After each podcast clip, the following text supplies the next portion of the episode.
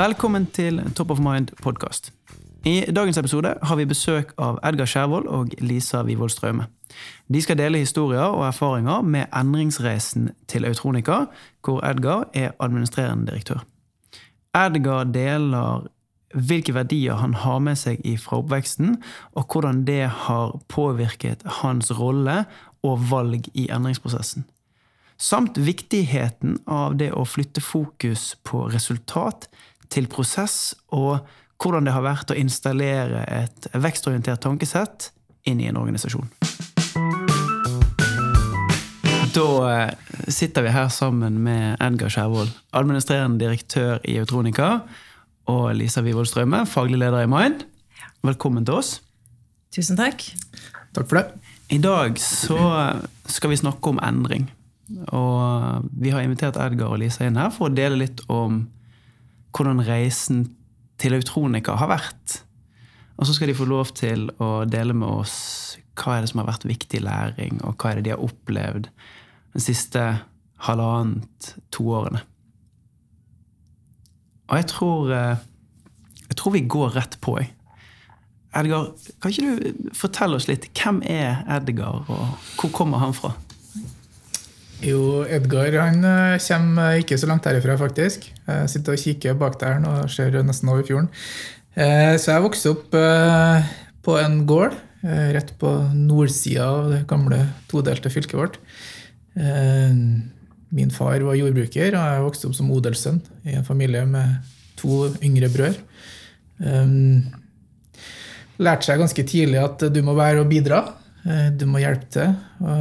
Hardt, ærlig arbeid det gir stort sett gode resultater. Eh, så det ligger i ballasten min. Eh, samholdet. Lite sted. ikke sant? Du kjenner naboene, og naboene kjenner deg. Og det er viktig med et godt samhold, ikke bare i familien, men også utover det. Noen av de sterkeste barndomsminnene mine det handler veldig mye om et begrep som enkelte har begynt å misbruke i nyere tid, men som jeg ser på som et hedersbegrep, som er dugnad. Og Der tror jeg folk som ikke har vært med på et ordentlig dugnad, ikke vet hva dugnad egentlig er. Men dugnad handler om det større fellesskapet. Det handler om laget, teamet, samholdet. Der det ikke er plass for egoet eller egen profitt i tenkegangen, men du gjør noen ting for det felles større. Og jeg husker veldig godt de sommerdagene hvor hele grenda møtte opp klokka 6.30 på, på gårdstunet til oss med høygafler og alt mulig for å gjøre slåttånda. Altså vil si skulle ta ned gresset som har vokst høyt i løpet av sommeren. Få stabla gresstrådene og hengt det på en ståltråd som var knytta på tvers av noen staurer. Og prøve å få det til å henge til det var tørt. Det var, kunne være tøft. En trøndersk sommer var jo ofte kunne være blaut. Så hvis det regna, så var jo gresset veldig tungt, og det var slitsomt. Eh, og så skulle du da klare å få til den kunsten å få hengt det her opp. Og det var store åkrer som skulle henges opp. Så var det masse med måltid, samlingspunkt, samtaler, erfaringsdeling mellom gammel og ung osv. Eh, men det var den derre fellesskapsfølelsen. Den derre gjør noe sammen Eh, som skaper et større resultat enn om du sjøl skulle ha prøvd å få det til. Det tror jeg beskriver min barndom veldig mye. Og det har farga meg senere også, i forhold til at eh, det med å skape team Fokusere på hva som den enkelte kunne veldig godt. For det var jo også en viktig del av dugnaden. At du, folk gjorde de tingene de var veldig flinke på.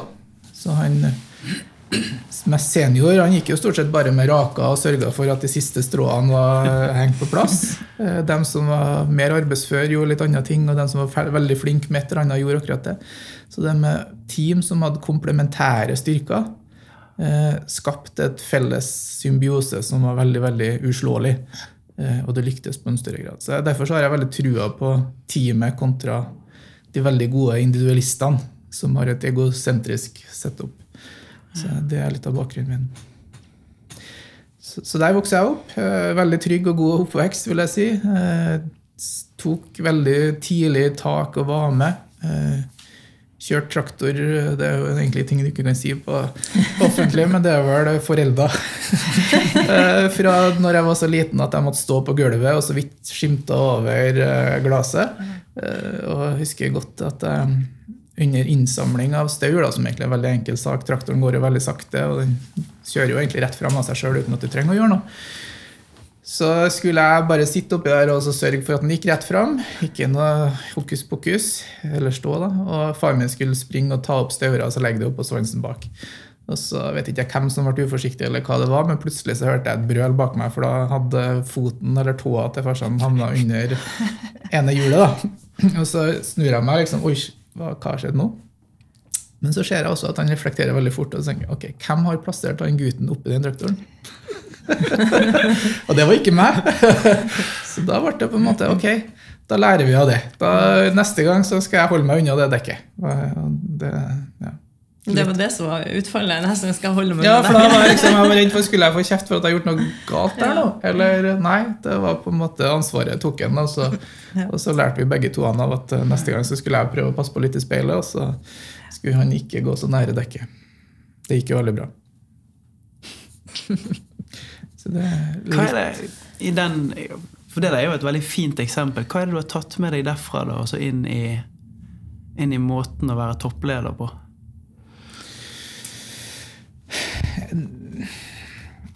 Jeg tror nok det at det har vært en sånn formingsreise for min del òg. Eh, det som er fascinerende med oss som mennesker, er jo at vi, vi fødes som perfekte, unike personligheter. Og så bruker vi stor del av ungdomstida og skoletida til å prøve å bli lik alle de andre. Eh, det å bli leder er egentlig litt sånn motsatt prosess, hvor du må avvenne deg den der eh, tvangstrøya som du har lagt på deg når du har vokst opp, til å våge å være deg sjøl nok. Altså våge å være ærlig mot deg sjøl. Fordi at når jeg er meg sjøl nok og, og, transparent og deler av hvordan jeg er og mine verdier, så oppfattes jeg også sterkere som en leder og mer autentisk. Og skaper forhåpentligvis rom for at de andre rundt meg også kan våge å være seg sjøl nok. Da. Eller være seg sjøl på en bedre måte. Stilig. Mm. Hvor, hvor, lenge er det du har eh, vært leder for Eutronica? Så Eutronica har jeg vært i nå i sju år. Jeg kom inn først som, eh, som CFO, eller økonomidirektør, for var det fem første årene. Så satt jeg i ledergruppa da. Og så eh, tok jeg over som administrerende for to år siden, ganske nøyaktig nå. Og eh, hva er grunnen til at du valgte å jobbe i Eutronica? da? Du, er, du høres veldig verdidrevet ut. Det var jo egentlig veldig enkelt. Ja. Så når du ser deg om etter en ny arbeidsgiver, så er det jo veldig enkelt i dag, for du kan bare gå på nettet og så google det litt. Mm. Jeg husker jeg googla Eutronica når Eutronica kom opp som en mulighet, og så fant jeg veldig lite. Eh, de hadde ikke vært veldig synlige i lokal eller nasjonal media på veldig, veldig mange år. Jeg tror nesten Det eneste jeg fant, var en litt sånn negativ sak om noe sånn radioaktivitet i noen detektorer som var kanskje 15-20 år gammelt. Og det var det. Men så skjønte jeg jo da at de jobber jo med å beskytte oss. Eh, utvikle tjenester og produkter som vi er helt livsnødvendig avhengig av. Fordi at du skal beskytte deg hvis faren inntreffer, hvis uhellet kommer. Så skal du sørge for at du blir alarmert Eh, og du trygt eskortert ut av faren. Så det ga jo en veldig sånn Oi, det, det, er jo veldig lett å motivere seg for å jobbe med. Det å berge liv. Mm. Trygge liv for dem du kjenner, for alle de som du som jobber for. Og så var det et stort selskap. Eh, I Trøndelag her så er det et av de fire store teknologiselskapene. Jobber med teknologi. Mm. Eh, veldig store framtidsdrømmer. Og så tror jeg at etter hvert så skjønte jeg også at eh, de satt på en unik kompetanse. Eutronica har pionert måten vi påviser og detekterer brannfare på gjennom mer enn 60 år. Eh, og når vi slår oss sjøl på brystet, så sier vi det at eh, måten du i dag opplever branndeteksjon på, ble utvikla i Trondheim av Utronika. Og det, da er det greit å motivere seg for, for å jobbe med det.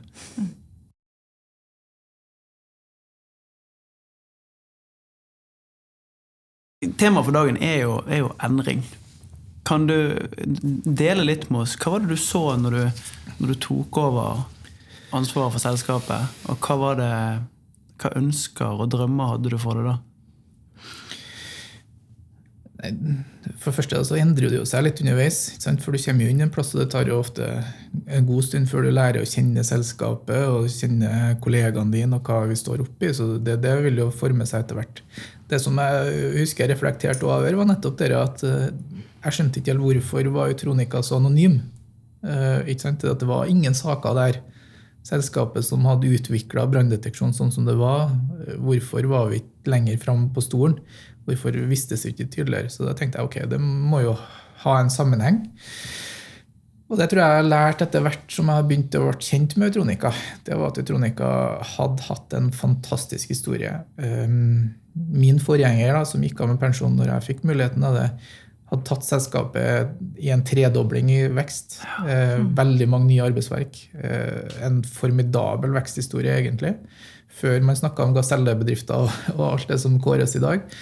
Eh, men samtidig, så når du har den veksta, så er det også lett for at du mister fokus, eh, og du mister, mister røttene dine der du kommer fra. Så jeg tror mye av det som jeg observerte i Etronica, var at vi, vi hadde hatt en kjempesuksess, men samtidig så har vi mista oss sjøl litt på veien. Ehm, det betyr at vi kanskje ikke var helt klar over hva våre styrker og, verdier var, eh, og, derfor hadde kommet inn i en situasjon som gjorde at eh, ting hadde stagnert litt. Eh, man var liksom fornøyd med det som var. Eh, og det var egentlig ingen grunn til å ikke være fornøyd med det man hadde heller. Mm. Og når du da som leder ser det, hva, hva, hva gjorde du da?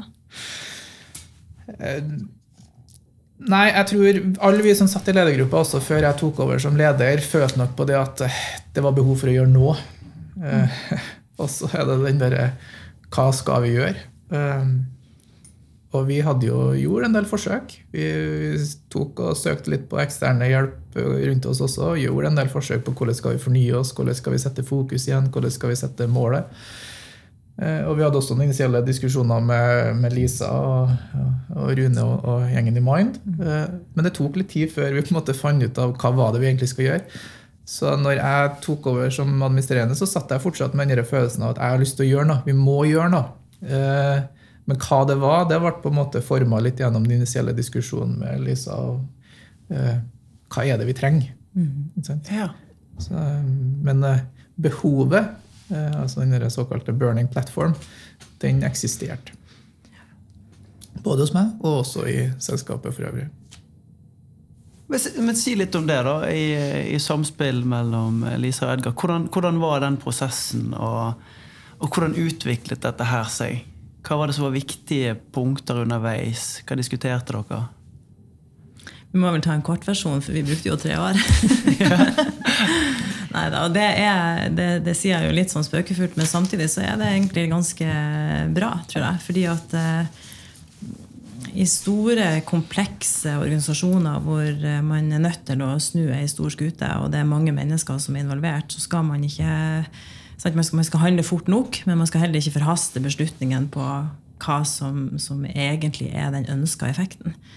Uh, og eh, jeg var jo i dialog, eller vi var i dialog med, med både Edgar og flere andre nøkkelpersoner i Autronica i over, over en lang periode.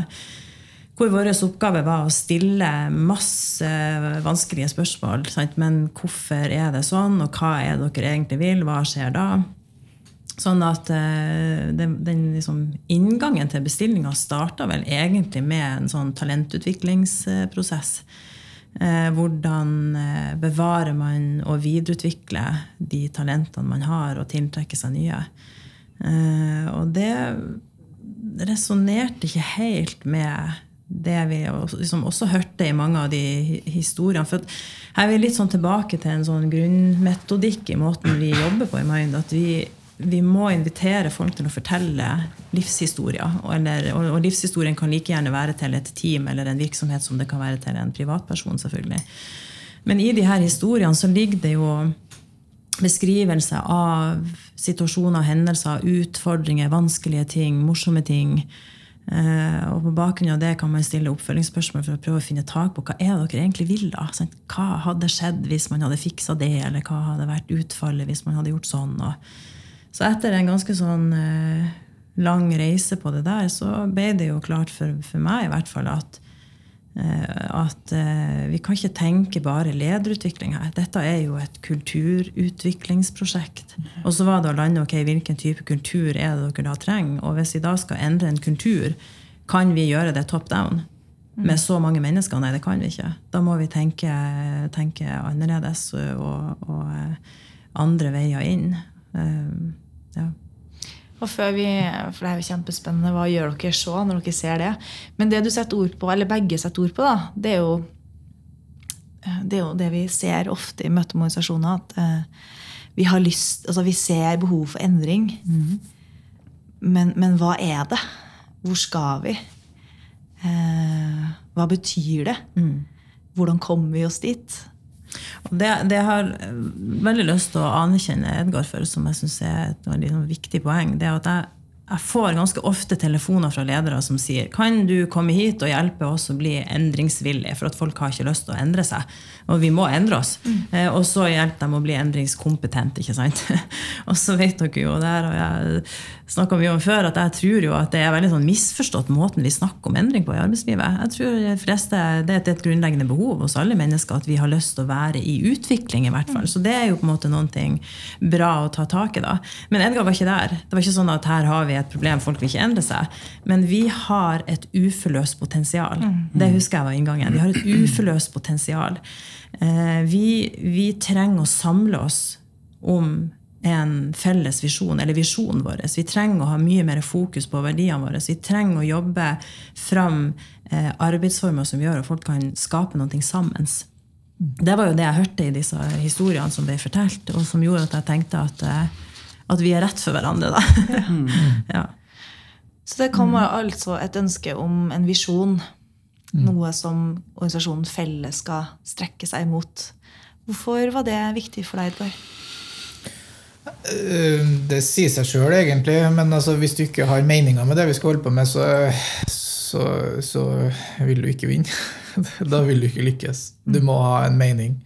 Eh, Jeg har eh, lett kopiert og lett tillært jeg skulle til å si, hatt et sånt prinsipp for hvordan jeg skal prøve å utøve ledelse i alle år. Og det at du må sørge for at medarbeiderne føler at, de har, at det gir mening, det de skal gjøre.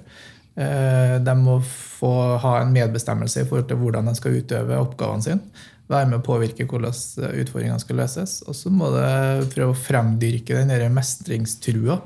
For jeg tror det at eh, den følelsen og Jeg kopierer ofte fra idrettsverdenen. Jeg føler meg heldig som er født og oppvokst med Nils Arne Eggen. Eh, Og mindsettet hans. Det med å den der følelsen når du lykkes sammen i et lag, den mestringsfølelsen, den flytsonen du får til, det er på en måte det jeg prøver å søke etter. Du kan si det at Tilbake til det forrige spørsmålet. Altså, hvorfor har jeg trua på endring? Da er jeg tilbake til mine røtter. da. Det jeg har lært meg, er at du høster det du sår, men også det at sørg alltid for at du forlater noen ting bedre enn det du fikk dem. Og I det så ligger det at det er en kontinuerlig forbedring hele tida. Du skal alltid sørge for å forbedre det du har. Ergo så er på en måte endring er egentlig bare en naturlig måte vi opptrer på. Så derfor så for meg så er det enten endring, eller så, så, er, det, så er, det, er det slutten på det. Eh, Så jeg tror eh, eh, jeg tror det med å sette retningen da, og meninga fundamentelt for alt vi gjør, men spesielt for endringsprosesser. For endringsprosesser er tøff, krevende for alle som er involvert. Og da er det ekstremt viktig at det er veldig synlig, tydelig, og det gir relasjoner til alle sammen. Hva er meninga med det vi gjør? Husk på, det her er jo noe som har drevet mennesker så lenge vi kjenner historien. Altså, Hulemaleri handler jo om det samme. Det handler jo om å male opp et sånt fremtidsbilde. Sant? Det er dit vi skal, det er sånn utfallet skal være av det vi skal inn i. Eh, og helleristninger og det ene og det andre. Altså, alt har på en måte, det her, og Historiefortellinger, eventyr, alt dette handler jo om menneskets behov for å plassere seg sjøl inn i en større kontekst, se lenger frem i en framtid som er uforutsigbar. Og uforutsigbarhet det, det, litt, kan være litt vanskelig å stå i. Så det er jo en måte å gjøre det trygt på. At vi, at vi vet hvor vi skal, og at vi skal dit sammen. Og det, det, det, og det handler om hva vi vil ha ut av ting. Sant? Hvordan verden skal se ut der framme. Og så får jeg litt lyst til å spørre om ok, hvordan gjør man det, da? i et selskap i Midt-Norge som en del av et stort internasjonalt konsern? Ja, vi har jo to ulike perspektiv på det. Det ene er jo det forskningsbaserte, og det andre er jo det mer praktiske. Og det i seg sjøl er en ganske sånn eh, strevsom greie å skal forenes to sånne ulike verdener, men, men, jeg tror det er viktig da likevel. Eh, I akkurat dette prosjektet så har vi det vil kanskje, Hvis jeg skal oppsummere det, fire sånne hoved retninger eller dimensjoner i det faglige som vi har bygd veldig mye på. Eh, det ene, som første er jo bestillinga fra eh, Autronica om at de ønsker å utvikle en læringsorientert kultur. Og, og hva er nå det? Det fins det flere forskjellige definisjoner på, men i vår tilnærming til dette så har vi jobba både med eh, tankesett. Altså liksom det å, å, å mentalt og de indre teoriene man har om, om oss sjøl, gjør at vi, at vi, søker læring hele tida. At ikke frykten for å feile gjør at vi velger det bort. Eh, så det handler like mye om å både oppdage alle mulighetene vi har rundt oss, til å videreutvikle nye typer produkter eller tjenester, eller til å samskape med noen andre. ikke sant? Og det handler også om å tørre å gripe de. Og det, det stiller noen krav til både hvordan man tenker om ting, men også hvordan man har det sammen med sine kollegaer. Eh, så der har vi jo jobba med både ja, gruppepsykologisk trygghet, vi har jobba med kreative prosesser, masse, masse forskjellige. Men det er liksom det læringsorienterte. da. Eh, og så er det mer sånn modelltenkning rundt eh, det å drive store, komplekse endringsprosesser. Der bygger vi jo mye på Kotter, som er en professor fra Harvard, som har utvikla en sånn åttestegsmodell for endringsprosesser som, som resonnerte veldig godt til det caset vi hadde her. ikke sant? En ganske stor virksomhet som er en del av et konsern med internasjonale eiere. Det er mange mennesker som skal forenes om en ny måte å gjøre ting på. Eh, og så har vi jo selvfølgelig hele fundamentet i, i, oss da, som handler om å jobbe styrkebasert. Både i lederutvikling og i medarbeiderskap. Um, eh, og da handler det ikke bare om å kartlegge styrker sånn at folk skal bruke de mest mulig, men å bli dem bevisst sånn at man kan bruke de balansert. At man blir kjent med hvilke allergier man trigger i andre eller eh, i seg sjøl. Og mulige verdikonflikter. Eh, samsvaret mellom personlige verdier og virksomheten sine verdier. Alt det der er viktig. Og så er det et annet veldig viktig spor vi har jobba mye med, og det er det vi kaller psykologisk kapital. Eh, som handler om hvilke mentale tilstander vi er best tjent med for å nå mål. Eh, og det som er litt artig med denne vinklinga, er jo at der snakker vi ikke om de, de eh, mer stabile styrkene folk har med seg inn i en jobb eller i et liv og dine grunnleggende verdier, men, men det er mer mentale tilstander man kan øke ved å trene på ting, som f.eks. mestringstru og resiliens, som to eksempler på det. Så det er liksom hovedsakelig de her eh, teoretiske tilnærmingene vi har brukt i prosessen. Og rent praktisk så har det jo hva? Så er jo historien litt annerledes. Ja, ja det, det, kan du si at den er, men samtidig så har vi jo brukt det teoretiske grunnlaget som en sånn struktur for oss. Jeg føler litt, i hvert fall for min del, at vi har avstemt at vi er på rett vei. Ja. Så i bunnen av det her så ligger jo Kotter sin teori mm. og alle de stegene der. Og etter hvert som vi har kommet videre i prosessen, så har vi også kjent at vi kan avstemme at ja, men der er vi. Ja. Eh, så det med den Burning Platform. Mm. Første allmøte etter jeg tok over som administrerende, så gikk jeg på scenen. Eh, vi, har, vi streamer dette til alle våre utekontor, så det går globalt eh, live. Og jeg tror det eneste de ansatte husker fra den, for det er jo selektivt hvor mye du husker fra en sånn type seanse, det var at jeg sto på scenen som ny administrerende direktør og sa at eh, nå må vi change or die. Og det var liksom bare sånn Nå er det. Det er nå det, er nå det gjelder. Nå må vi endre. Eh, og da responderte organisasjonen på det, og folk var enig ja, vi må det. Og det var på en måte den der endringsplattformen som gjorde at vi var jeg vil si, moden nok til å ta en endringsprosess i, i starten. The sense of urgency. Sense of urgency. Det er jo steg én. Ja. Og, og, sånn har vi jo på en måte fulgt den prosessen da, gjennom å sette retningen. altså visjonen, som, som, var en eh, litt sånn smertefull prosess som vi gikk gjennom, eh, Lisa. Men eh, der Lisa utfordra ganske tøft på nettopp å si hvorfor. Ja. Hvorfor skal, hva skal på en måte purposen eller visjonen vår være? og da tror jeg det for meg også var en sånn personlig utvikling, på en måte, fordi at eh, vi hadde en visjon som var veldig lik det veldig mange av våre konkurrenter og de andre selskapene som jobber innenfor det samme spekteret, hadde. Det handla om å verne. Vi skulle verne liv, vi skal verne miljø, vi skal verne eiendeler til våre kunder. Og det var ingenting som skilte. Så det finnes, du var én av tusen. Og så tenkte jeg ja, men i forhold til det vi holder på med, eh, er det nok? Sier det nok? Eh, og det var vel da, etter mange runder med sparing fram og tilbake, at jeg på en måte tenkte at du, hvis jeg ser for meg sjøl å bli da, en eller annen gang i tida en bestefar, og jeg sitter med et av mine barnebarn på fanget og kan fortelle det barnebarnet om historiene om den tida hvor vi aksepterte at folk faktisk døde i brann. Eh, det skjer ikke noe mer nå, men det var faktisk en sånn en gang. Eh, for i realiteten, hvis du ser på statistikken da, og bare relaterer det til Norge isolert sett, som er en liten del av verden, og vi jobber jo globalt i Eutronika, så dør det i snitt du kan si ca. 90 personer hvert år i Norge. Eh, det er omtrent det samme som dør i trafikken. Eh, og i forhold til hvor mye tiltak og fokus det er på trafikksikkerhet og, trafikk, og ulykker i trafikken, kontra at vi aksepterer at det er like mange som faktisk dør av brann hjem eller på institusjon eller hvor det skal være, så tenker jeg at det må vi gjøre noe med. Det kan vi ikke akseptere. Eh, og det er derfor på en måte for oss null tap av liv, som er en visjon til Eutronika, er så viktig for oss som jobber i Eutronika. Og jeg er ganske sikker nå på at uh, gjennom den settinga og retninga der, så har jeg en organisasjon på 450 ansatte som går i krigen for det. Vi brenner for det. Vi står opp av senga om morgenen og ønsker å tenke på hva kan vi gjøre mer for å sørge for at ingen skal dø av brann. Og Det andre aspektet av det som ikke jeg tror vi tenkte over den gangen når vi satt og, og laga den visjonen, det er at når jeg går rundt og forteller om det her til våre kunder, til partnere, til samarbeidspartnere rundt oss, enten det er brannvesenet, det er folk som har jobba som brannfolk, eller folk som har jobba i bransjen lenge, det at det skaper assosiasjoner. Det, det skaper helt individuelt at folk har forskjellige historier, men folk relaterer seg veldig veldig sterkt mm. til det budskapet.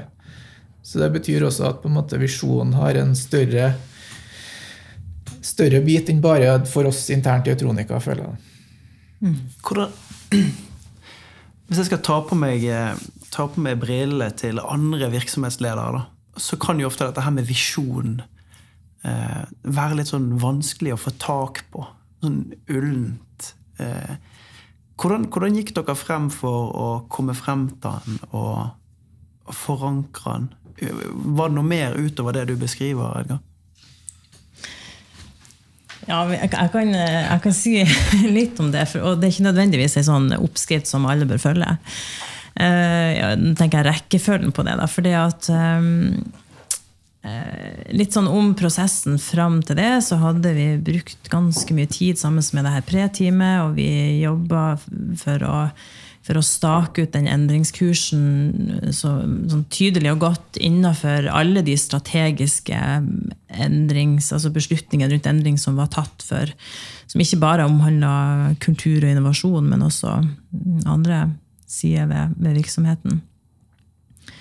Eh, og vi hadde vel kanskje stått og stampa ganske lenge, og kom, du kom på en sånn eh, oppfølgingsveiledningsprat, sånn lederstøtteprat, som eh, vi ofte har i, jevnlig da, i sånne type utviklingsprogram. Og jeg hadde jo gjort en kart kartlegging av Edgar sine styrker og verdier. Så jeg hadde jo liksom styrkekartet hans foran. Jeg hadde uh, deler av livshistorien som gjorde at jeg begynte å danne meg et bilde av hvem er det her, og hva er det du brenner for? Hva er det du uh, har av på en måte kapasitet i deg? Uh, og jeg opplevde vel kanskje at det var en litt sånn diskrepans eller avstand mellom verdikartet og, og, hvor mye du handla det ut av. Jeg, jeg, tenkte at her, du, det er noe mer du må komme med. altså. Det her er ikke nok. uh, og, og, litt sånn gjenspeila i den visjonen om at vi skulle liksom bare verne om liv. Det er jo litt sånn puslete greier. det, det, er jo kjempeviktig, men, men sant, det må være noe mer her. Uh, og... Det, den, den veiledningspraten der refereres ofte til den gangen Lisa stakk tommelen i øyet på Edgar og sa at nå må du virkelig nå må du bestemme deg, og nå må du tørre å si høyt hva du tenker. Så jeg satt jo på andre sida av bordet med en sånn følelse av at det er noen ting du bærer på nå, som du ikke sier høyt.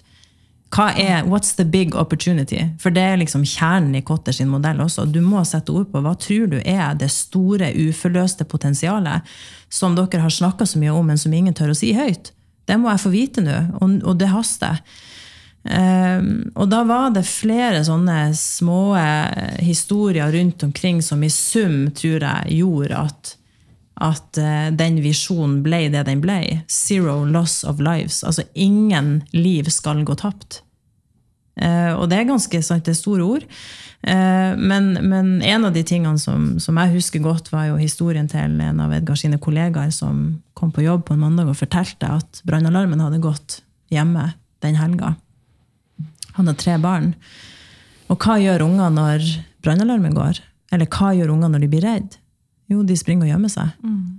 Og det var akkurat det som skjedde her. De sprang inn på badet, og de låste døra mens brannalarmen hadde gått. Og han sto på utsida og fikk den ikke opp. Eh, og det er en sånn historie som er veldig lett. Det er veldig lett å se for seg mm. det scenarioet der. Og det er veldig lett å relatere det relatere seg sjøl til det og, og, skjønne hvor viktig det er at vi kan jo ikke bare altså, vi, Det er klart vi må sikre at ingen liv går tapt. Det er jo det som må være det store oppdraget her. Så, eh, men det var flere sånne historier og eksempler, og jeg tror koblinga mellom Edgar sine grunnleggende verdier, det han tror på som menneske, ambisjonene han hadde om å realisere et potensial i en virksomhet som, som var fullt mulig. For det du det, Jeg husker jeg spurte deg, men, men går det an? Mm. Altså Går det an å nå en sånn visjon? Og det nølte du ikke så mye på. Du sa at altså, teknologien finnes der. Altså Løsninga er ikke der ennå, men at teknologien finnes der, ja, og vi, det må vi tørre å tenke. Ja. ja. det er riktig. Jeg har fått flere spørsmål i forhold til ja, hvordan tør vi. Mm. Eh, hvordan våger du? Hvordan våger vi? men, men, for å være helt ærlig, da, så skjønner ikke jeg helt spørsmålet. For, da, for, for, meg så blir det litt sånn Ja, men hvordan kan vi våge å ikke mm. gå den steget? Eh, for jeg tror at, ja, som jeg sa, eh, jeg, vi har all kompetansen som trengs. 60 års av erfaring av å bygge opp systemer sånn som det finnes i dag. Full forståelse av hvordan faren kan skje, og hvordan vi kan detektere den. Så er teknologien, kompetansen, den er der. Hvis vi klarer å frigi, som du sier, mm. potensialet i alle de fantastiske folkene som jobber i Tronika, eh, og ta bort noen av barrierene og noen av mindsettet som kanskje har hindra oss tidligere, og tenke litt ut av det, eh, og tenke litt større, så det, det her funker. Det her skal vi få til. Mm. Hvor hen er vi henne nå, I, eh, ja, både i tid og i en sånn type endringsprosess? Eh, hvis dere kan gi et anslag. Det, det, er jo, det, er jo, sånn at vi skal få et bilde av, mm. av hvor henne dere står henne. Ja, når vi satt uh, i det her biten her, så er det jo på en måte i startfasen. Da er det jo i forhold til det å sette meninger med prosessen og hvor vi skal hen. Så her har vi på en måte innsett at vi har behov for å gjøre en endring. Vi har vært moden for å gjøre det, og så begynner vi å sette eh, målet foran oss. Ja, og Rent konkret så var det jo altså Du tok over for to år siden. Mm. Eh, inviterte meg til en eh, ny prat. da i en ny rolle. Eh, og så brukte vi vinteren 2018 da, på mm. å snakke og diskutere. Så satte vi ned pre-teamet den våren og hadde noen workshoper med dem. Og det her, den, den veilednings- den samtalen som jeg snakker om nå, da, det var jo høsten 2018, da, for ett år siden. Ja.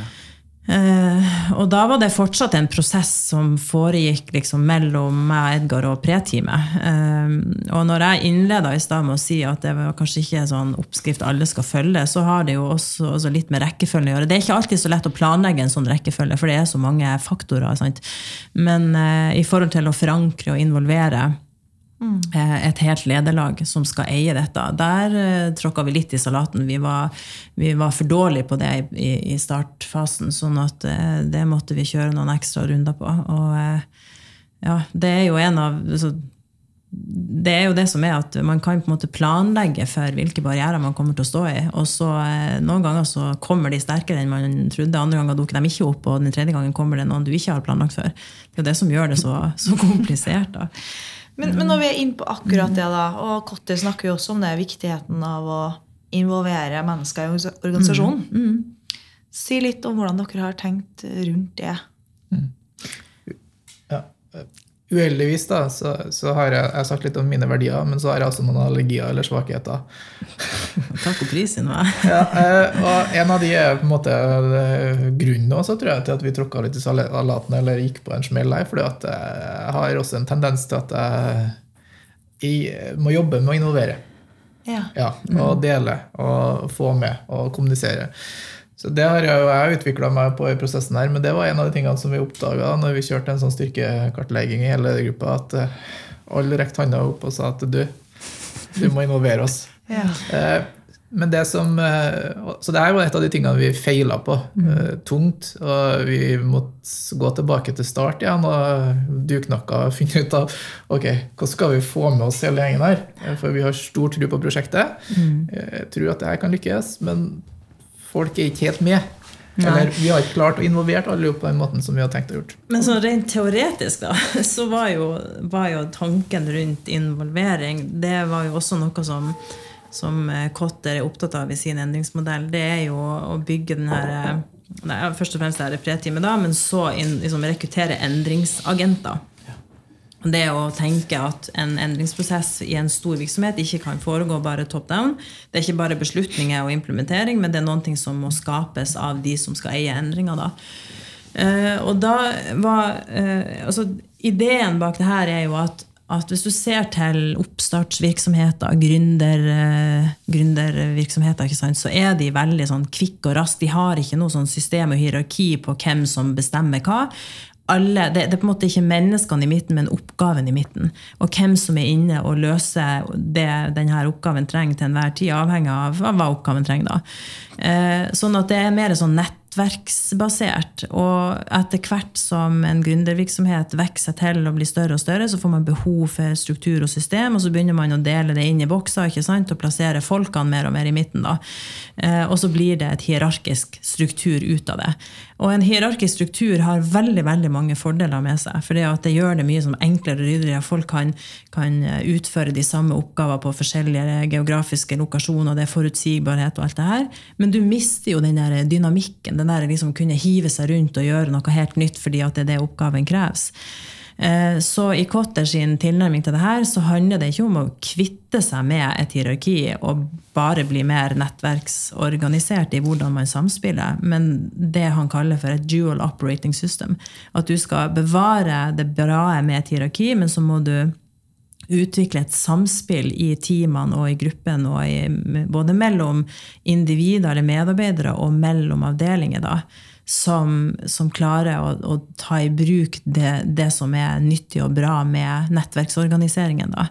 Eh, og, og det er den effekten man er ute etter da, når man skal jobbe med endringsagenter. Når, når du rekrutterer en a volunteer army, som han kaller det, veldig sånn amerikansk, da, men, men en hel hær med folk som, som sier at dette har jeg lyst til å være med på. Eh, og de har ikke en formell ledertittel eller ledermakt, på en måte, men de har et mandat til å drive en endring. Og til å jobbe på tvers mye mer. Og det var jo et, et, et, et punkt i prosessen vår som var egentlig ganske skummelt. Eh, og jeg husker den veldig godt. For da var på en måte pre-teamet vårt, altså på en måte den kjernen som drev gruppa, som Lisa beskriver, satt på plass. De var i gang. Og så skulle vi på en måte gå ut og så si hvem vil være med. Vi skal gå i en prosess. Vi skulle dele visjonen, og så skulle vi spørre hvem har lyst til å være med oss på denne reisen. Eller hvem har lyst til å bidra inn i reisen. Ja. Og da husker jeg veldig godt at pre-teamet satt der og tenkte ok, vi skal gå ut bredt. Vi spør alle i organisasjonen hvem vil være med, frivillig. Men så var det liksom sånn, ok, med historikken vår, hvor vi var hen, i hvilken prosess vi var, så tenkte vi ok, folk vil noen være med. Så vi hadde faktisk en plan B, hvor vi satt med en liten kort liste på noen som vi skulle gå ut og ydmykt spørre om ville være så snill å være med. Eh, Så vi kom derifra til at vi gikk ut, og så tok det helt av. Eh, Jeg husker hun, hun på et pretime holdt på å sende meg oppdateringer at oi, oi, oi, nå er vi 15 som har søkt allerede i løpet av en dag. Oi, nå er vi på 25. Oi, nå er vi på 50.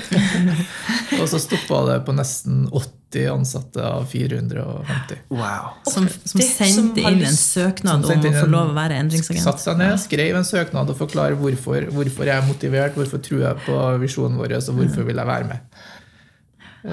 Hvilke nerver har du truffet da? Hva er det som har rørt seg der? nå? Jeg tenker at da har vi truffet med visjon, vi har truffet med timinga, vi har truffet med budskapet ut, som gjør at folk kjenner at det her er min prosess, jeg vil være med i prosessen. Sjøl om det var vært mye forming etter det òg, men initielt så, fall, så traff vi tydeligvis en nerve som gjorde at folk følte at det her vil jeg være med på. Jeg vil være med å styre og sette framtida for selskapet jeg jobber i. Og så tror jeg også at vi var litt sånn ærlige på at vi har ikke alle svarene ennå. Vi, eh, vi bare vet hvor vi vil, eh, og vi vet at det kommer til å bli veldig mye hardt arbeid, og det kommer til å bli krevende og vanskelig. Men vi skal gjøre så godt eh, vi kan for å være sammen som det, for å liksom få det til. da. Så jeg, jeg tror at vi, vi traff også en sånn nerve rundt det der kollektivet og samholdet at at selv om ikke alle svarene var, var på bordet, da, så, så var det en invitasjon og en mulighet som folk fikk lyst til å gripe. Og jeg, jeg tror kanskje at det der gjenspeiler litt det jeg prøver å si når jeg snakker om, om at eh, måten vi eh, som snakker om endring på, er så misforstått. Da. For jeg tror folk har jeg, jeg tror de satt inne med masse ideer og engasjement og lyst til å være med på noe, og et potensial som ikke var forløst. ikke sant? Men de hadde ikke noen kanaler å, å komme med det i. Så det var egentlig det vi gjorde. Vi bare tilrettela for at her kan dere få lov å, å komme med det. da. Uh, og, og hele prosessen Vi har jo kjørt lederutviklingsløpet liksom, på, på ene nivået, og så har vi kjørt en, en prosess med endringsagentene, hvor vi har trent dem i de metodene de skulle bruke. Og så er det dem som har vært ute og kjørt alle workshoper med alle medarbeiderne, alle ansatte i hele virksomheten. Da. Eh, og det var jo òg en sånn etter, nei, etter den første eh, workshopen med endringsagentene, hvor de skulle få treninga, da.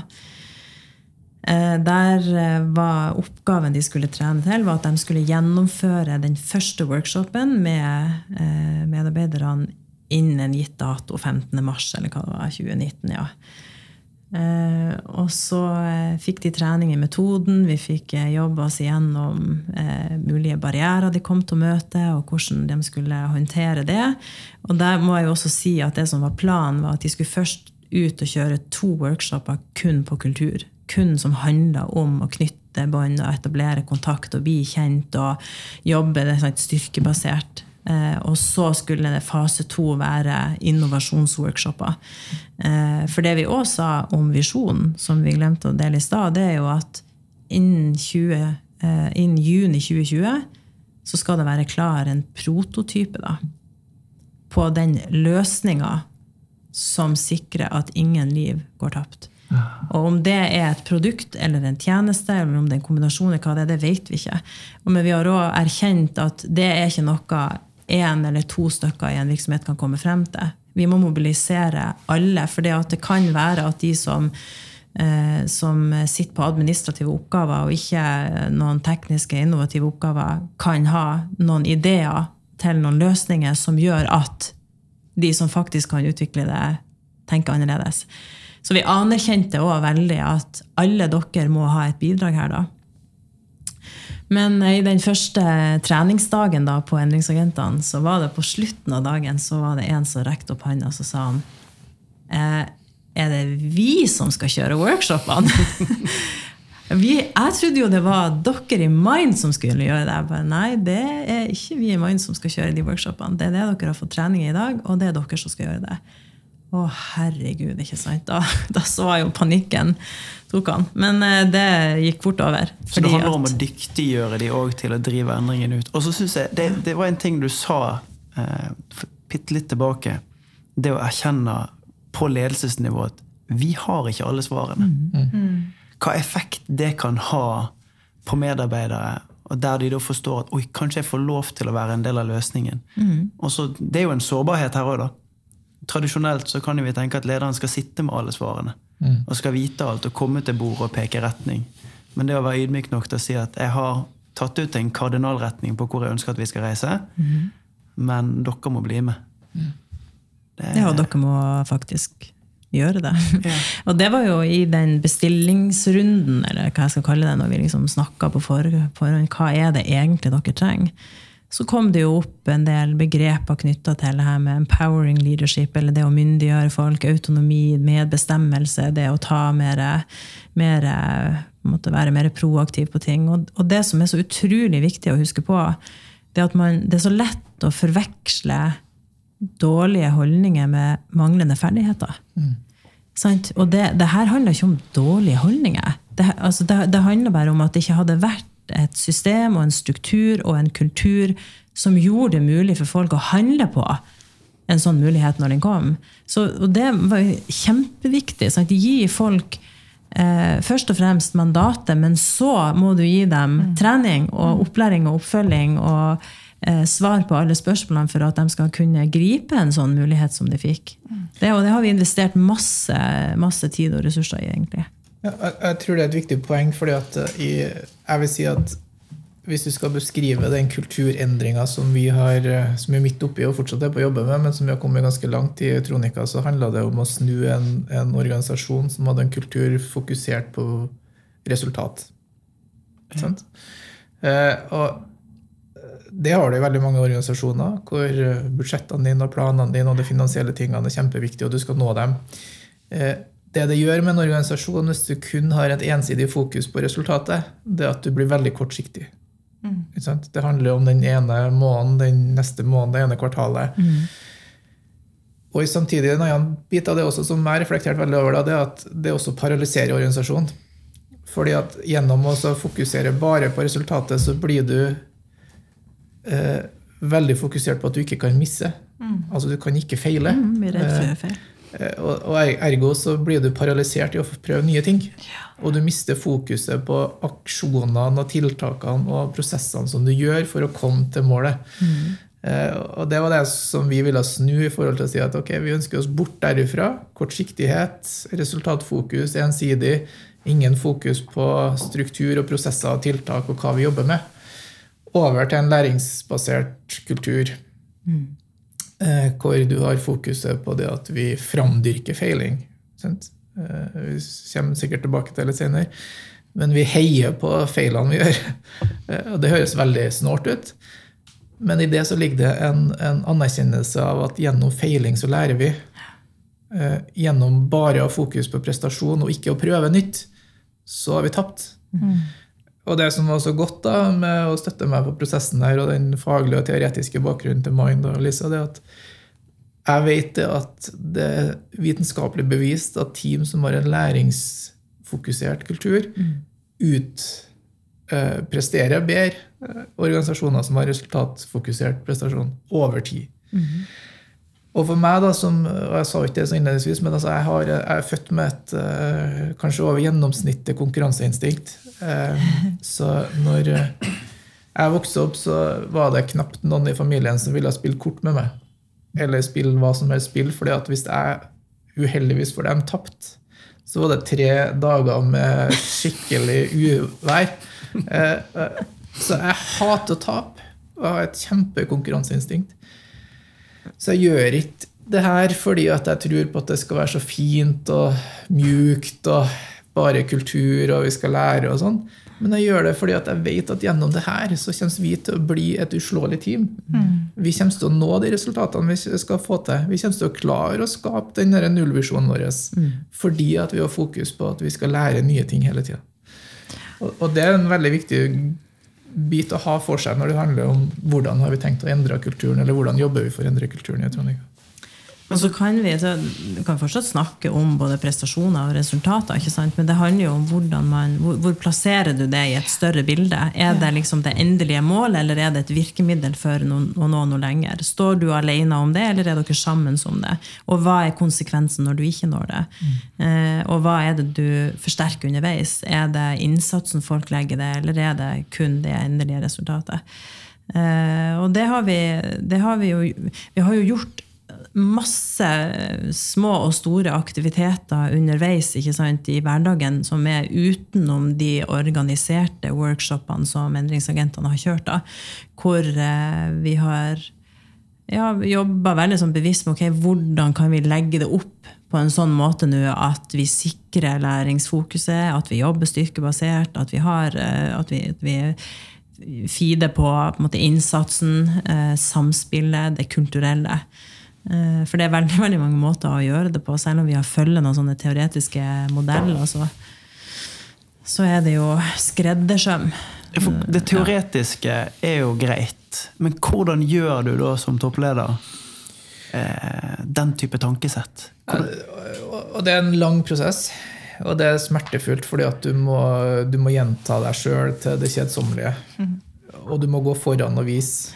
Så En av de tingene som jeg har brukt som kanskje er effektfullt, det er å på en måte også vise nettopp det at jeg har ikke alle svarene. Jeg feiler. Jeg har feila tusenvis av ganger gjennom prosessen her. Men jeg prøver noe nytt, så i fellesskap klarer vi å finne en løsning. Så jeg må på en måte gå foran og vise at når jeg står og snakker om læringsorientert, og jeg ønsker at vi skal jobbe med det, så må jeg på en måte agere på den samme måten. Mm. Så jeg har brukt uh, mye av tida mi til å kommunisere om det, både på allmøter for hele organisasjonen, men også invitert meg inn i mindre teammøter, vanlige avdelingsmøter som foregår veldig frekvent, nettopp for å snakke og vise og, og dokumentere at det her er måten vi skal jobbe.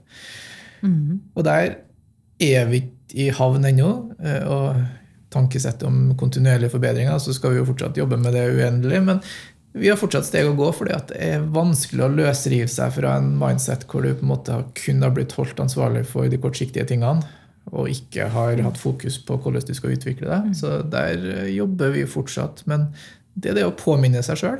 Så jeg som toppleder må gå foran og forklare hva er det vi ønsker å framdyrke. Og i forkant av det så har vi har jo brukt tid både på fellessamlingen med lederne og også endringsagentene og, og, og egentlig resten av organisasjonen og jobbe med det her med å, å, trene på å gi og ta imot tilbakemeldinger. Eh, og det tror jeg også har vært en sånn viktig eh, faktor i det, for, for du har jo gjort deg tilgjengelig for det. Du har jo bedt om tilbakemeldinger. Vi har kjørt prosesser på det hvor vi har trent oss på det. Har, du, har, du, vet hva dine eh, lederkollegaer og hva, hva de som, som, jobber tett på deg, da, liksom, syns om deg. De, du vet hva er det de setter pris på, hva er det de ønsker seg mer av, hvilke allergier kan du trigge i dem. Eh, og gjennom den prosessen så fikk vi jo eh, ja, veldig sånn tydelig tilbakemelding på at du må være mer synlig. Du er nødt til å dele hva du tenker. Og jeg hadde jo i den uh, veiledningsprosessen i forkant så hadde jeg jo drevet og øvd meg litt på å tankelese. For Edgar er ikke en som Det sitter liksom ikke utenpå da, hva du tenker og hva du føler om ting. Så jeg hadde jo fått, uh, prøvd å trene litt på det, hvor jeg til slutt konkluderte med at vet du, det her, jeg kan ikke tankelese. Du må fortelle meg hva du tenker, og så må du fortelle meg hvordan, hvordan det her uh, står til. Og, og, så så jeg jo den samme responsen hos eh, folkene dine. ikke sant? Men hva mener han egentlig? Hva er det han egentlig tenker? Eh, og det som, er, som jeg har lyst til å gi Edgar eh, honnør for, er jo at han tar altså, Når han får en sånn tilbakemelding, så gjør han noe med det. Er, du er utrolig rask på å gå fra erkjennelse til handling. ok?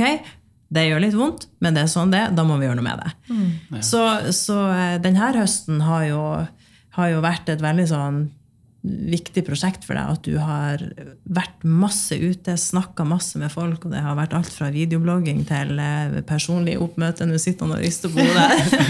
Jeg har, har dytta deg ut i mye rart. Men, men, du gjør det, og det har jo en effekt. Folk er jo, det, det betyr mye å, å få, eh, få, dine tanker om, eh, om reisen. Ja, og det har vært som du sier, det har vært en utvikling da, mm. også for meg som menneske og som person og som leder. Å på en måte våge å utfordre en del av mine egne barrierer eh, mm. gjennom den prosessen her. Eh, men samtidig anerkjent hva behovet for det ligger i. Og jeg tror at Det har kanskje vært en av de tingene som har vært viktig for oss å komme til der vi er i dag. Nettopp det at vi har agert.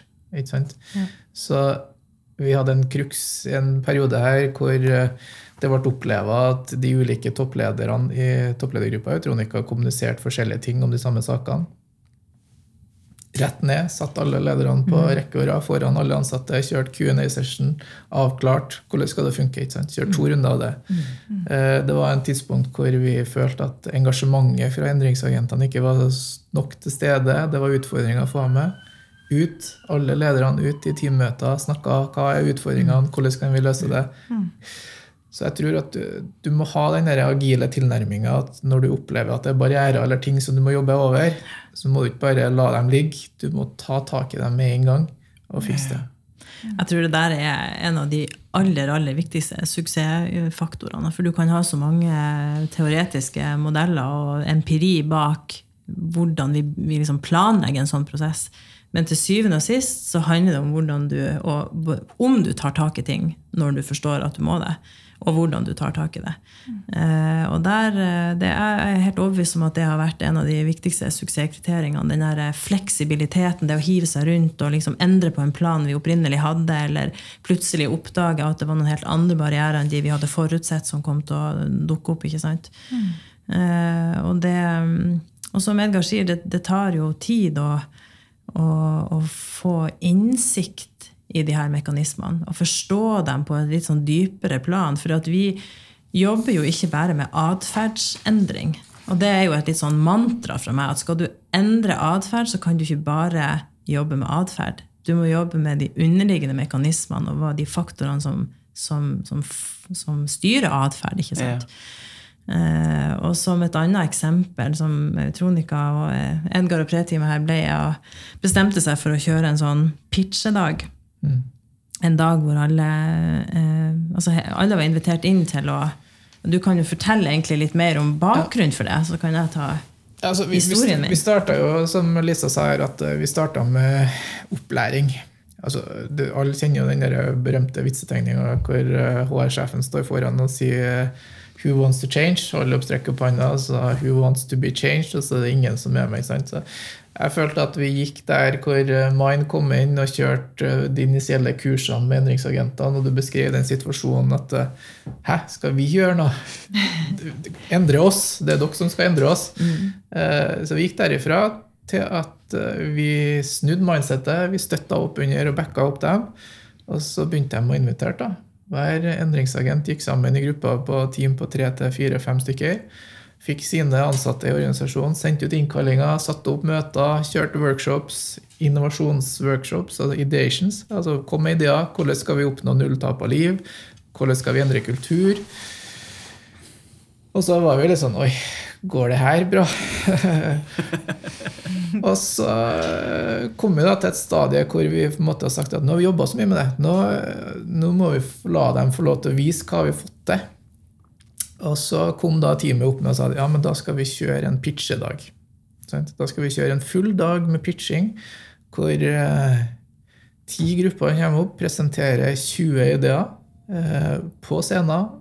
Videostreamer igjen da ut globalt. Noen presentert over video tilbake inn. Med tilhørere, til og med en del som ikke jobba i Tronika, eller som jobba i konsernet andre steder, som bare kom og gikk som de ville og kunne lytte. Et panel à la type litt idolaktig der, da, men eh, der både jeg og Lisa satt sammen med ei fra endringsteamet, Anne Marie, og, og også Carlos som er teknologidirektør. Og så gikk vi inn der, og så sa vi det at det her skal vi ufarliggjøre. Sånn, skal være fullstendig ufarlig. Eh, Vi ønsker at vi stimulerer, som vi har sagt da igjen, stimulerer læring, prøving, feiling, læring, prøving på nytt igjen. Det skal ikke være noe sånn der 'herre funker ikke', eller 'herre har vi trua på'. Så vi gikk inn der og sa at det eneste tilbakemeldinga vi i panelet skal gi, det er en verdibasert tilbakemelding. Observere hvilke styrker og verdier som blir brukt og utøvd av de som står på scenen og presenterer. Og vi ble vel til slutt kalt eh, cheerleaders mer enn panel, egentlig. Eh, Men du, det, det starta jo det, Jeg må få lov å fortelle det. Det var den andre gangen Lisa stakk tommelen i øyet på en gang. For det at vi satt og, og um, skulle prate om den pitchdagen som skulle komme opp, og så sier Edgar til meg at vi skal ha en jury. Men det skal ikke være sånn at folk skal være redd for å dele ting eller redd for å feile, men vi skal ha en jury.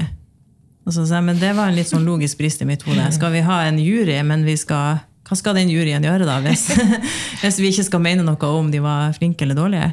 Eh, og, og det her forteller jeg mer for å illustrere at det, det, det der går jo liksom på automatikk. At vi tenker den type struktur og form på ting. For sånn har vi alltid gjort det, og hele samfunnet er jo bygd på sånne type former og strukturer. Så det å bryte ut av det og si oi, oi. Det er ikke, eh, vi, vi, vi kan faktisk ikke kalle det for en jury. Vi må kalle det for noe annet, og så må vi bli enige om hva er det vi da skal være opptatt av. Sånn at det krever at man, man tenker seg om. Eh, og dele og diskutere og sparre, sånn at vi er flere som kan se det fra flere perspektiv før vi til slutt lander, lander løsninger på det. Eh, og så for øvrig var dagen bare helt, eh, helt fantastisk. Jeg må, jeg må få lov til å fortsette på det, for jeg tror det var faktisk en av de stolteste øyeblikkene i, i Eutronica for min del. Eh, Jeg hadde hatt en ganske travel reiseaktivitet i forkant. Det hadde vært mye jobbing med prosjektet her og mye annet òg. Så jeg kom tilbake til Trondheim dagen før. Jeg hadde veldig kort tid på å forberede meg, bortsett fra det vi hadde gjort litt tidligere. Eh, Satte meg ned i skjeliderpanelet, ikke juryen. Eh, Fikk utlevert alt var forberedt. så Kjempeteam som hadde jobba med alt. Alt det praktiske var håndtert. Og så går første gruppa på, på podiet, og så merker jeg det at det er jo litt sånn nervøst. ikke ikke alle som har vært vant til å gå på podiet og presentere foran veldig mange folk før, og de skal jo legge fram en idé, og ja, administrerende sitter rett foran dem, og teknisk direktør og alle sammen. Men så løsner det, på en måte. Eh, Det skjer et eller annet i dynamikken i hvordan det går, og du kan se hvordan folk vokser, hvordan engasjementet kommer igjennom, eh, hvordan de blomstrer i forhold til det å få legge fram ideene sine, bli lytta på. Vi gir konstruktive tilbakemeldinger på hvordan vi opplever at de brukte verdigrunnlaget sitt for å, for å legge det fram. Og det blir en helt fantastisk dag. Det kommer ideer der som gjør at du får helt sånn gåsehud når du sitter der. Eh, Det er, du tror det nesten ikke at det er sant. For at i en hverdag i en sånn organisasjon så er det mye gjentagende ting. Du skal levere, du skal gjøre veldig sånn strukturerte ting. Og så plutselig får du en dag hvor det er bare innovasjon. Masse glupe ideer. Mm. Og du blir helt sånn satt ut over hva da, fra den første initielle arbeidsgruppa. Folk har sittet og brukt tida si, jobba ekstra, kommet seg gjennom workshops. Og lagt fram de 20 beste ideene av mange hundre endringsideer som eksisterer. Så det, har jo, det har jo ført til at nå kjører vi annenhver uke pitchedager. Eh, ja, så jeg det skal som funker. Ja. Fordi at her er jo endringsprosessen vår. Dette? Det er forslagene til hvordan vi skal bli bedre, hvordan vi skal lære og hvordan vi skal utvikle oss. Og da bruker vi de prosessene til å på en måte komme opp, trekke de prosjektene som vi allerede har identifisert og sagt at de her går vi videre med. Hvordan er status? Er det barrierer vi må ta tak i? Og samtidig bringe opp nye ideer og si at ja, men Og så er det jo ikke bare den ene store løsninga på null tap av liv.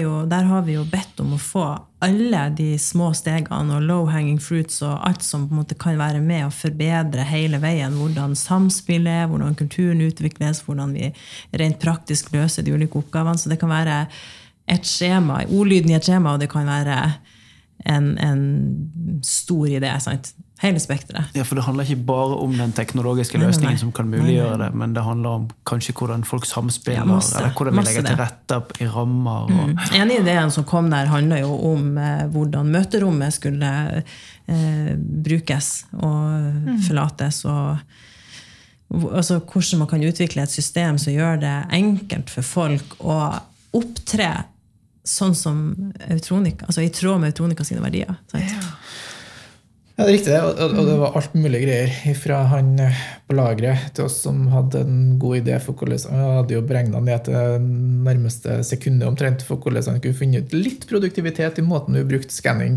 av mottak av varer. Veldig praktisk, men helt riktig tenkt. Opp til på en måte den veldig visjonære løsningen. Og det andre tingen som vi gjorde også, det var at underveis så eh, gjorde vi prioriteringer. Ah, ja. Eh, Og når alle presentasjonene var ferdige, så samla vi oss, og så beslutta vi der og da. Ja, vet du, det, Så sa vi det at eh, de her fire ideene dem bare beslutter vi at vi gjør nå. det gjør vi nå. Og så kaller vi inn resten av organisasjonen så sier vi at her, gratulerer, dem går vi i gang med. De andre her klassifiserer vi enten på mellom eller litt lengre sikt. Og så jobber vi videre med dem, og så trekker vi hvordan vi ligger an.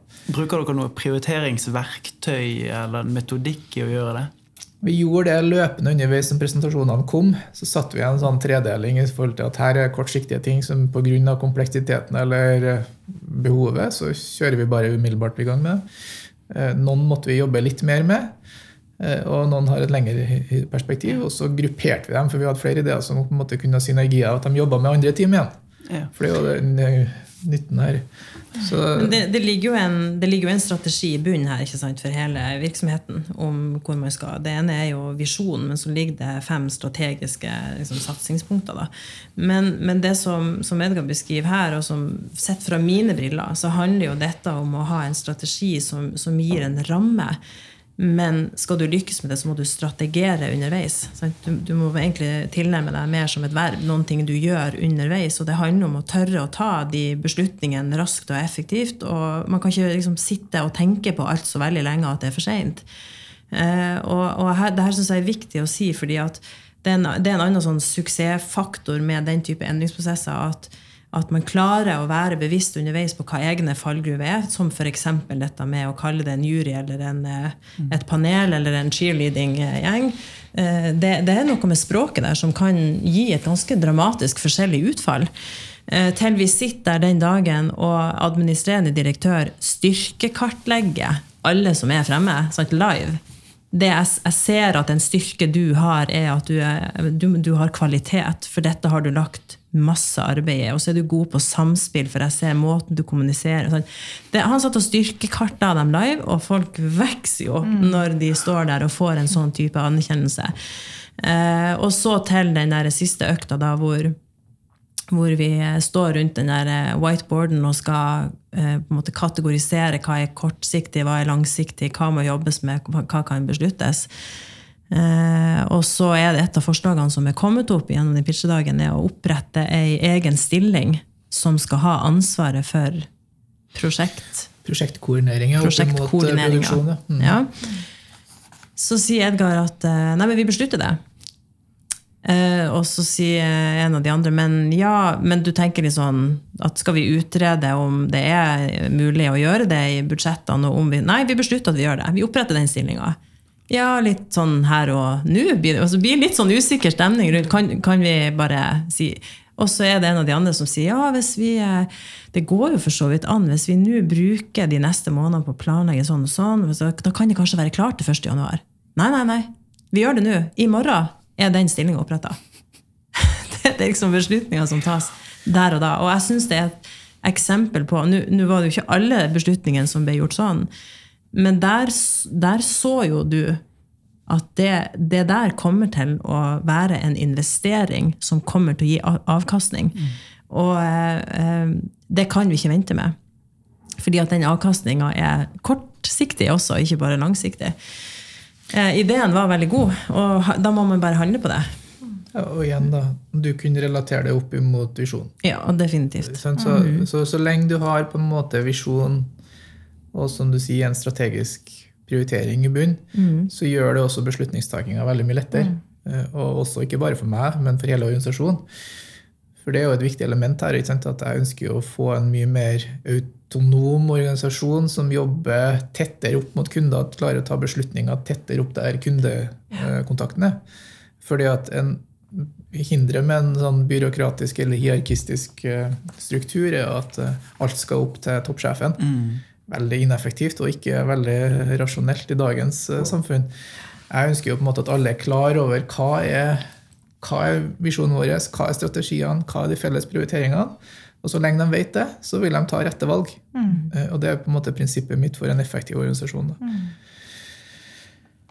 Jeg har- jeg er nysgjerrig på én ting. Eh, Jeg synes Det var fascinerende når du forteller Dere var litt sånn usikre på hvor mange som ville melde seg som endringsagenter. Og så ender dere opp med rundt 80. Og sånn jeg forstod det, så fikk alle lov til å delta. Alle de som meldte seg. Hva er det de har gjort? Altså, og hva har vært effekten av de her 80 menneskene som har vært endringsagenter for, for dere Utronika? Eh, Uten den jobben de har gjort, som vi har beskrevet litt gjennom alle arbeidsgruppene og alt det arbeidet som er gjort, da, å framsnakke prosessen og framsnakke hvor vi skal hen, eh, så hadde vi nok ikke vært der vi er nå. Så det her var jo et helt avgjørende grep i forhold til det å få til endringsprosessen. Hvis ikke så tror jeg fortsatt jeg har stått og prata meg blå i ansiktet om hva vi skal få til, uten at folk helt har skjønt hva skal vi gjøre. Eh, Så nå er det jo mer jeg føler å ri en bølge, fordi at vi har en endringshær i organisasjonen som driver endring hver dag på alle nivåer i organisasjonen. Eh, Som jobber mot den visjonen som vi har, og de strategiene som er. og Uten dem så hadde vi aldri, aldri verden vært der vi er nå. Og det, Og så er det jo Ambisjonen er jo at til slutt så skal alle Ja. bli endringsagenter. Det er jo ikke sånn at det bare skal være 80 eller 15. Eller, det er jo absolutt Alle må jo bli det til slutt. Eh, Men vi må starte den prosessen litt systematisk og grundig. Eh, Og den starter jo da med eh, først sense of urgency, som for å få lov å sitere og Anne, som er kommunikasjonssjef, at hun hadde bare en fantastisk oppsummering av den pitchedagen. Eh, var at det som starta med en sense of urgency, har nå blitt a sense of energy. Og det syns jeg egentlig oppsummerer litt hva vi ønsker å oppnå med å jobbe endringsagentbasert, at, eller eh, bottom up. da. Um, for en, en endringsagent skal jo på en måte ha litt sånn ekstra innsikt i hva er det denne virksomheten og ledelsen ønsker å få til, og hva er vår rolle i det. De skal på en måte være med og, og, eh, og ja, smitte litt over med engasjementet, skape konsensus og oppslutning rundt endringsbehovet, møte de her eh, barrierene som, som skjer i hverdagen og i den operative delen av og ikke bare på det strategiske nivået. Da. De skal jo guide og koordinere og kommunisere aktiviteten, men igjen så, så, så er jo tanken at de skal jobbe for å onboarde resten av virksomheten, sånn at alle til slutt er i det moduset. For igjen så er det, det er ikke et prosjekt dette som starter den datoen og som slutter den datoen. Dette er jo en prosess som handler om å utvikle en ny måte å jobbe på. En kultur som er prega av at man eh, jobber sammen, man oppdager muligheter, man griper de mulighetene man har oppdaga, og jobber videre med det. Man hiver seg rundt og gjør ting annerledes hvis det ikke funker. Man deler feilene man har gjort, sånn at de andre ikke trenger å gjøre de samme feilene. Eh, og at vi alle jobber mot en sånn felles mening. Så, så det er jo dit vi skal. Altså jeg tipper i dag, hvis vi gjør en opptelling, så har vi jo langt flere enn 80 endringsagenter. Ja. Selv om det fortsatt er kanskje 50 som formelt sett ville på en måte kalt seg for det. da. Og det har du helt rett i. Jeg, jeg snakker fortsatt med folk eh, rundt omkring i organisasjonen som sier at eh, ja, jeg er ikke endringsagent per Men. eh, tittel, Ja. men jeg er med. Ja. Ja. Og jeg skal bidra alt jeg kan. Eh, Så på en måte, ja, vi er på vei den veien. Og det er veldig inspirerende. Og tilbake til den endringa fra sense of urgency til sense of energy, som er en genial beskrivelse av hva som holder på å skje i Eutronica. Så det er litt sånn, også, litt sånn magesug for meg som leder. Fordi at du går og dytter og sier at nå skal vi komme igjen, vi endres. Jeg heier på dere. Til at den flippen skjer. Eh, Hvor den snøballen begynner å rulle ned på andre sida av fjellet. Og jeg prøver på en måte å løpe ved sida av. Så, så det, da, da skjer det et momentskifte hvor på en måte organisasjonen begynner sjøl å ta ansvar og tar tak i ting. Eh, og Det er på en måte en ting litt sånn småskummelt, men på den andre sida så Oi, shit, nå er vi her. Nå, nå holder vi på å skje. Og det er en fantastisk opplevelse. Det er det. Og så er det nok også en av de barrierene ved, ved å kjøre endringsprosesser at, at når det flipper, da, når, når den der, eh, de små ringvirkningene begynner å bli tsunamier, og vi de som har satt det en gang, står der og skal ta imot det, så, så kan være både litt sånn skummelt og, og strevsomt. Mm. For dere sier jo det at dere, nå står dere midt i det. Ja. Eh, hvor hen er dere nå, og hva er det dere ser foran dere? Vi skal begynne å runde av litt, hvis dere skal ta noe frempek på jeg, jeg tror, Sett fra, fra vårt sted da, så tror jeg at vi nå begynner å nærme oss den prosessen hvor vi må skape en eh, som det kalles, en sustainable platform. Altså Vi må skape den strukturen hvor vi klarer å gjenskape det her, hvor den prosessen som vi har med innovasjon og endring, blir den permanente måten vi driver selskapet på. Sant? Og Da handler det om å få på plass strukturer og prosesser for hvordan å håndtere det. Så at ikke det blir bare et kaotisk adhoc. Så vi begynner å nærme oss inn i prosessen hvor folk blir vant til å lære seg hvordan de skal komme med innspill og ta ansvar og jobbe med å drive selskapet videre. Og få det inn i en, en, en bærekraftig struktur som kommer til å vedvare. Eh, så jeg er veldig optimistisk på vegne av selskapet i forhold til at jeg tror vi har, vi har lært veldig masse. Um, vi har mye igjen å lære, eh, og det handler veldig mye om øving. Øving i forhold til hvordan vi gjør det. Eh, Men det er en del av prosessen framover, hvor vi skal få lov til å øve og prøve og, og forme måten vi driver det her på.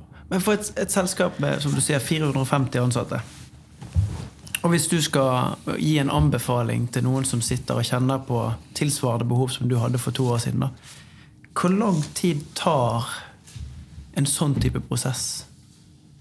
Evig. Det går, det går aldri over. Det går aldri over. Og- det der er jo, no, det det der er jo viktig for, for oss å, å gi til andre. Sånn, For vi tenker på det som Kan det være at jeg generaliserer litt? da? Sånn, Ja, men vi skal inn i en endringsprosess. Den tar to til tre år. Og så sier du den er evig. Og jeg tror at tid er faktisk en av kruksene eller barrierene som dere også som konsulenter og som vi som selskap står overfor ganske tidlig i prosessen. Ja, det det. Fordi at i prosessen vår, så når vi starta, så handla det for endringsagentene så var det en tidsklemme. Vi starta med ikke sant? ja, men jeg har oppgavene mine, vi skal levere til kunder. Samtidig så sier du at jeg skal gå inn og arrangere samlinger og workshops.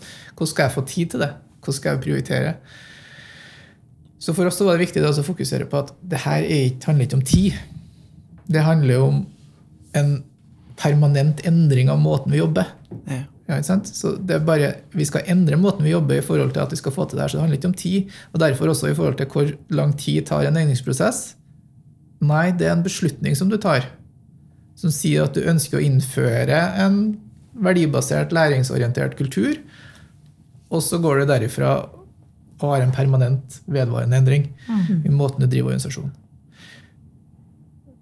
Hvis det gir mening. Ja. Og det er jo fascinerende å møte mennesker som står midt i det her endringa. Og liksom dere må ta litt sånn steget ut og se dere litt fra, fra perspektiv. da. Vi skulle, skulle sette ord på barrierer i sånne type utviklings- og endringsprosesser. Hva er det dere ser som er viktig å være bevisst på, og hva dere har lært i forhold til det? Ja, eh, det er mange, altså. Eh, Det er jo derfor at det, det gjør det både artig og strevsomt. ikke sant? At man møter så mange barrierer, både de, de som man har forutsett, og, og de som kommer litt sånn plump på. da. Eh, Men hvis, men hvis jeg skal snakke fra liksom, mitt perspektiv på det som ekstern hjelper i dette, så er det jo det første som vi var innom litt sånn tidligere, det er jo å forstå hva er det denne kunden egentlig trenger. Mm. For det må jeg jo si at i nesten alle sånne møter vi går i, så opplever vi jo at det kommer en bestilling hvor man sitter og tenker mm, kanskje det egentlig ikke er helt det. Sånn at det å være grundig nok i en sånn prosess til å finne ut hva er det dere egentlig trenger, hva er ønska effekt av å be om hjelp hos noen, og hvor er det man vil henne med en sånn reise, det er viktig. Eh, også fortsatt fra, fra mitt perspektiv, det gjelder jo selvfølgelig internt også, men, men kommunikasjonen underveis. Vi har satt i gang mange store, komplekse ting, og vi klarer ikke helt å henge med på hva, hva skjer. Eh, og det er derfor jeg refererte til hele tsunamien i, i stad. ikke sant? Når du, når du lar 80 endringsagenter, som etter hvert blir enda flere, kjører de her workshopene og sette i gang så mye, så, så det skjer det masse fantastisk bra som eh, fort gjort at jeg går litt glipp av. Og så kan det oppstå noen sånne utfordringer underveis som også er vanskelig for, for oss å få blikket på. Det. Så vi, har jo, vi strever fortsatt med det, men jobber også fortsatt med hvordan vi skal kommunisere på en sånn måte at, at jeg klarer å se ting fra innsida også. Eh, så det handler vel kanskje litt om å tørre å slippe kontrollen. Og så må jeg også si at det er klart vi, vi setter, Jeg snakka i stad om at vi jobber jo ikke bare med atferd og endre atferd, selv om det er en av de tingene man har lyst til å få til etter hvert. Men vi jobber med mange av de underliggende mekanismene, og det må man være litt sånn bevisst på. Altså, vi setter i gang mange prosesser med tanker og følelser som både kan skape frustrasjon og engasjement hos folk. Og der er det noen sånne røde flagg. Der er noen etiske eh, liksom refleksjoner som vi er nødt til å være bevisst på. At vi, eh, vi setter, liksom, definerer noen mål som er riktig for en virksomhet, men som kanskje ikke er det for enkeltpersoner. Og, og ja, vi, vi, vi, er ikke noe i tvil om at det er riktig, fordi at det her handler jo om å sikre arbeidsplasser. Det handler om å utvikle en løsning som, som sikrer null tap av liv. Det er meningsfullt, og det er viktig på alle plan men være likevel bevisst på det. ikke sant? Fordi at når endringsagentene er trent i noen metoder og går ut og setter det i gang, er de i stand til å håndtere det som dukker opp. Så der er vi også nødt til å være tett på og være et støtteapparat rent faglig for å kunne håndtere det. Eh, så, eh, så, men, så det er jo også en sånn dilemma. Vi har jo trent lederne masse i eh, forskjellige metoder for å gi tilbakemeldinger, for å kommunisere styrkebasert. og og det, alle sånne ting kan misbrukes. Sant? Sånn at, uh, Nå refererer jeg ikke til at det har vært en utfordring i dette prosjektet, men sånn generelt sett så er det ting som, man, eh, som er typiske barrierer da, som vi som konsulenter eller rådgivere i en sånn prosess må være veldig mm. veldig obs på. At vi håndterer det klokt og, og riktig. Så ja, det er viktige betraktninger. Jeg tror Utfordringa er at når du sitter litt på utsida, mm. så skjer det så mye i organisasjonen veldig fort. Og det er vanskelig å få det med seg. Og mm. det å holde kommunikasjonen veldig smidig mellom oss som sitter på innsida, og dere som sitter litt på utsida, det er nok en av de tingene vi har lært underveis her, at det, det må vi jobbe veldig mye med. Mm. Jeg tror sånn Bare for å dra fram noen andre altså Barrierene har vært mange. Mm. og vi har uh, truffet dem hardt flere ganger. Uh, og forhåpentligvis klart å jobbe oss rundt de fleste av dem. Kanskje hvis jeg skal dra fram en av de største tingene som jeg snakka litt om før, men som jeg tror er viktig å ha fokus på, det er de kulturelle endringer. Er veldig vanskelig. Uh, fordi at det er noe med at når du har blitt når du har en kultur, og du er satt i rollen, og du vet hvordan det skal fungere, og hvordan organisasjonen opptrer, så er det kjempevanskelig å gå inn der og prøve å endre atferden. Eh, fokusere over fra resultat til læring. Det tar veldig lang tid. Så derfor er jeg tilbake til tid igjen. Altså, du kan aldri si at du er ferdig med det. Du må fortsette å jobbe med det er litt sånn, eh, Skal du få plantene til å vokse, så må du vatne dem hele tida. Du kan ikke bare stoppe etter ett og et halvt år eller to år. Eh, så det er veldig viktig. Og så tror jeg for meg også så handler det om uh, Igjen, da um, Du må ha et fokus på at å endre en organisasjon En organisasjon er ikke veldig vanskelig i utgangspunktet. Jeg er veldig opptatt av at du forenkler ting. Hvis du skal klare å få til noe, så må du forenkle ting. Og For meg så er en organisasjon egentlig ganske enkel. For En organisasjon er bare en samling av veldig mange mennesker. Og mennesker er redd. Eh, mennesker er redd for å ikke tilhøre, for å ikke passe inn, for å ikke være som de alle andre og ikke lykkes i rollen sin. Altså, det er masse angst- eller redselsting. Da. Du psykologen, Lisa, så du må arrestere meg når jeg går utover det. Men det er det fundamentelle. ikke sant? Eh, og så tenker jeg at hvis du klarer å reflektere over det og forholde deg til de ansatte, de, de organisasjonen på den måten, og prøv å gi en liten gave av deg sjøl. Prøv å være ærlig. Prøv å gi litt ærlighet. Prøv å være transparent. Prøv å på en måte inkludere. Prøv å vise dine egne svakheter, dine egne feil, dine egne barrierer som du mislykkes på. Så vil responsen på menneskene og organisasjonen bli så utrolig stor. Skape trygghet. Du skaper mm. trygghet. Så det psykologiske kapitalen som Lisa snakka om tidligere her, har vært kjempeviktig for oss for ja. å klare å få til en, en, kulturell endring. Folk må føle på kroppen at det er trygt. Mm. Og i det fasen, når du klarer å komme dit, så tror jeg at da blir det en plass der folk ønsker å være med. En trygg base, i hvert fall. Så man kan, sånn at man tør å strekke seg utafor den. Ja, jo, det er kjempeviktig. Så det, det, og så tenker jeg at eh, du må walk the talk. Eh, så bare poengtere litt av at det der med eh, Hver måned siden jeg tok over, så har jeg hatt et allmøte. Eh, og så var det noe mer med fokuset å snu fra resultat til læring. Mm. Jeg har vært veldig bevisst på at jeg har kanskje bare to eller tre ganger i løpet av de, alle de allmøtene i løpet av ja, nesten 20 allmøter snakka om resultat. Sånn? Tidligere så var allmøtene eh, kun fokus på salg og bunnlinje for de forrige måneden. Det har jeg nesten aldri snakka om.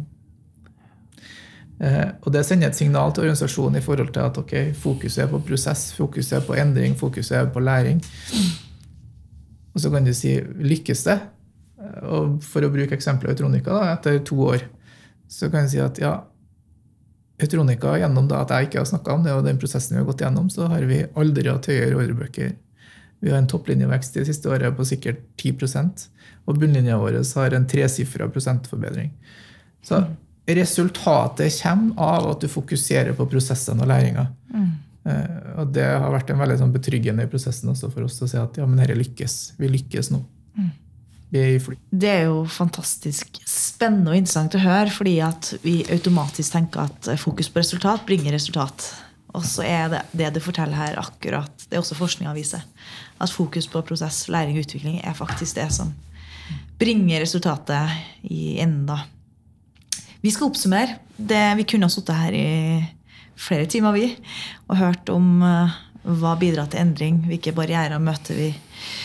Uh, hvordan er det å stå i endring? Hvordan lykkes med det? Hvis vi skal trekke ut noe, da, sånn helt kort nå avslutningsvis Vi får uh, noen få sekunder hver til å trekke ut Eller poengtere noe. Eller å trekke ut det viktigste fra samtalen. Hvis du starter da, Tim? Jeg skrev én ting helt i starten, og det tror jeg det skal jeg holde fast ved. Og det Edgar sier, er 'vær deg sjøl'. Ja. Og akkurat når du sa det, så kjente jeg at jeg fikk gåsehud.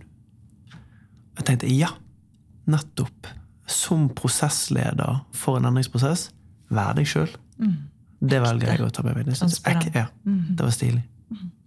Edgar? Så må du kanskje få litt hjelp til å finne ut av Ja, hvem det ja, er. For det å være seg sjøl er jo sånn, sånn her beskrevet i en sånn verdibasert tilnærming. Sånn, hva står du for? Hva er det du tror på? Hva er viktig for deg? Edgar? Jo, jeg, jeg, deler jo synspunktet med det å være, deg sjøl, men så tror jeg det at eh, livet er for kort til å ikke prøve. Eh, når du har trua på noen ting, så må du bare gå for det. Sant? Med alt det skal være. Og det går ikke an å halvveis prøve noen ting. Du må på en måte gjøre det. Og så får du heller justere når du møter veggen eller et eller annet ting. Men du må gå for det. Det tror jeg er det viktigste oppsummeringa. Takk. Lisa? Ja, og så det å på en måte ikke tenke ut alle svarene inni ditt eget hode. Snakk med folk, del, still spørsmål. Spør hvilke spørsmål har du til meg, hva trenger du fra meg? Altså det, å, det, det, det meste vi har gjort her, er jo samskapt. Vi har brakt, lagt noen ting i potten knytta til teori og forskning og verktøy og sånn. Og så har alle dere lagt masse høyst relevante, kjempeviktige ting i potten som i sum har blitt den reisen vi har vært på, og er fortsatt er på. da. Eh, Så det gjelder. Mm. Hvis jeg skal trekke ut én ting, så um, må det være det her med å involvere menneskene. Uh, Istedenfor å gå fra topp og ned, og fra bottom og up. Fordi det er der vi finner energien. Ikke sant? Det er her kraften ligger for at vi skal oppnå endring. Tusen takk, Lisa og Edgar, for at dere tok dere tid til å komme og snakke med meg og Tim. Og så håper jeg dere som uh, hørte på, syns det var spennende, interessant og lærerikt å få ta del i Autronicas reise og utviklingsreise sammen med Lisa og Mindlaget. Så fra meg og Tim, tusen takk for at du lytta. Takk for at du hørte på Top of Mind podkast. Syns du episoden var spennende, del den gjerne med noen. Eh, Har du tid og anledning, stikk innom der du lytter til podkast, og hiv på en stjerne, aller helst fem. Og abonner. Det setter vi veldig pris på. Til neste gang.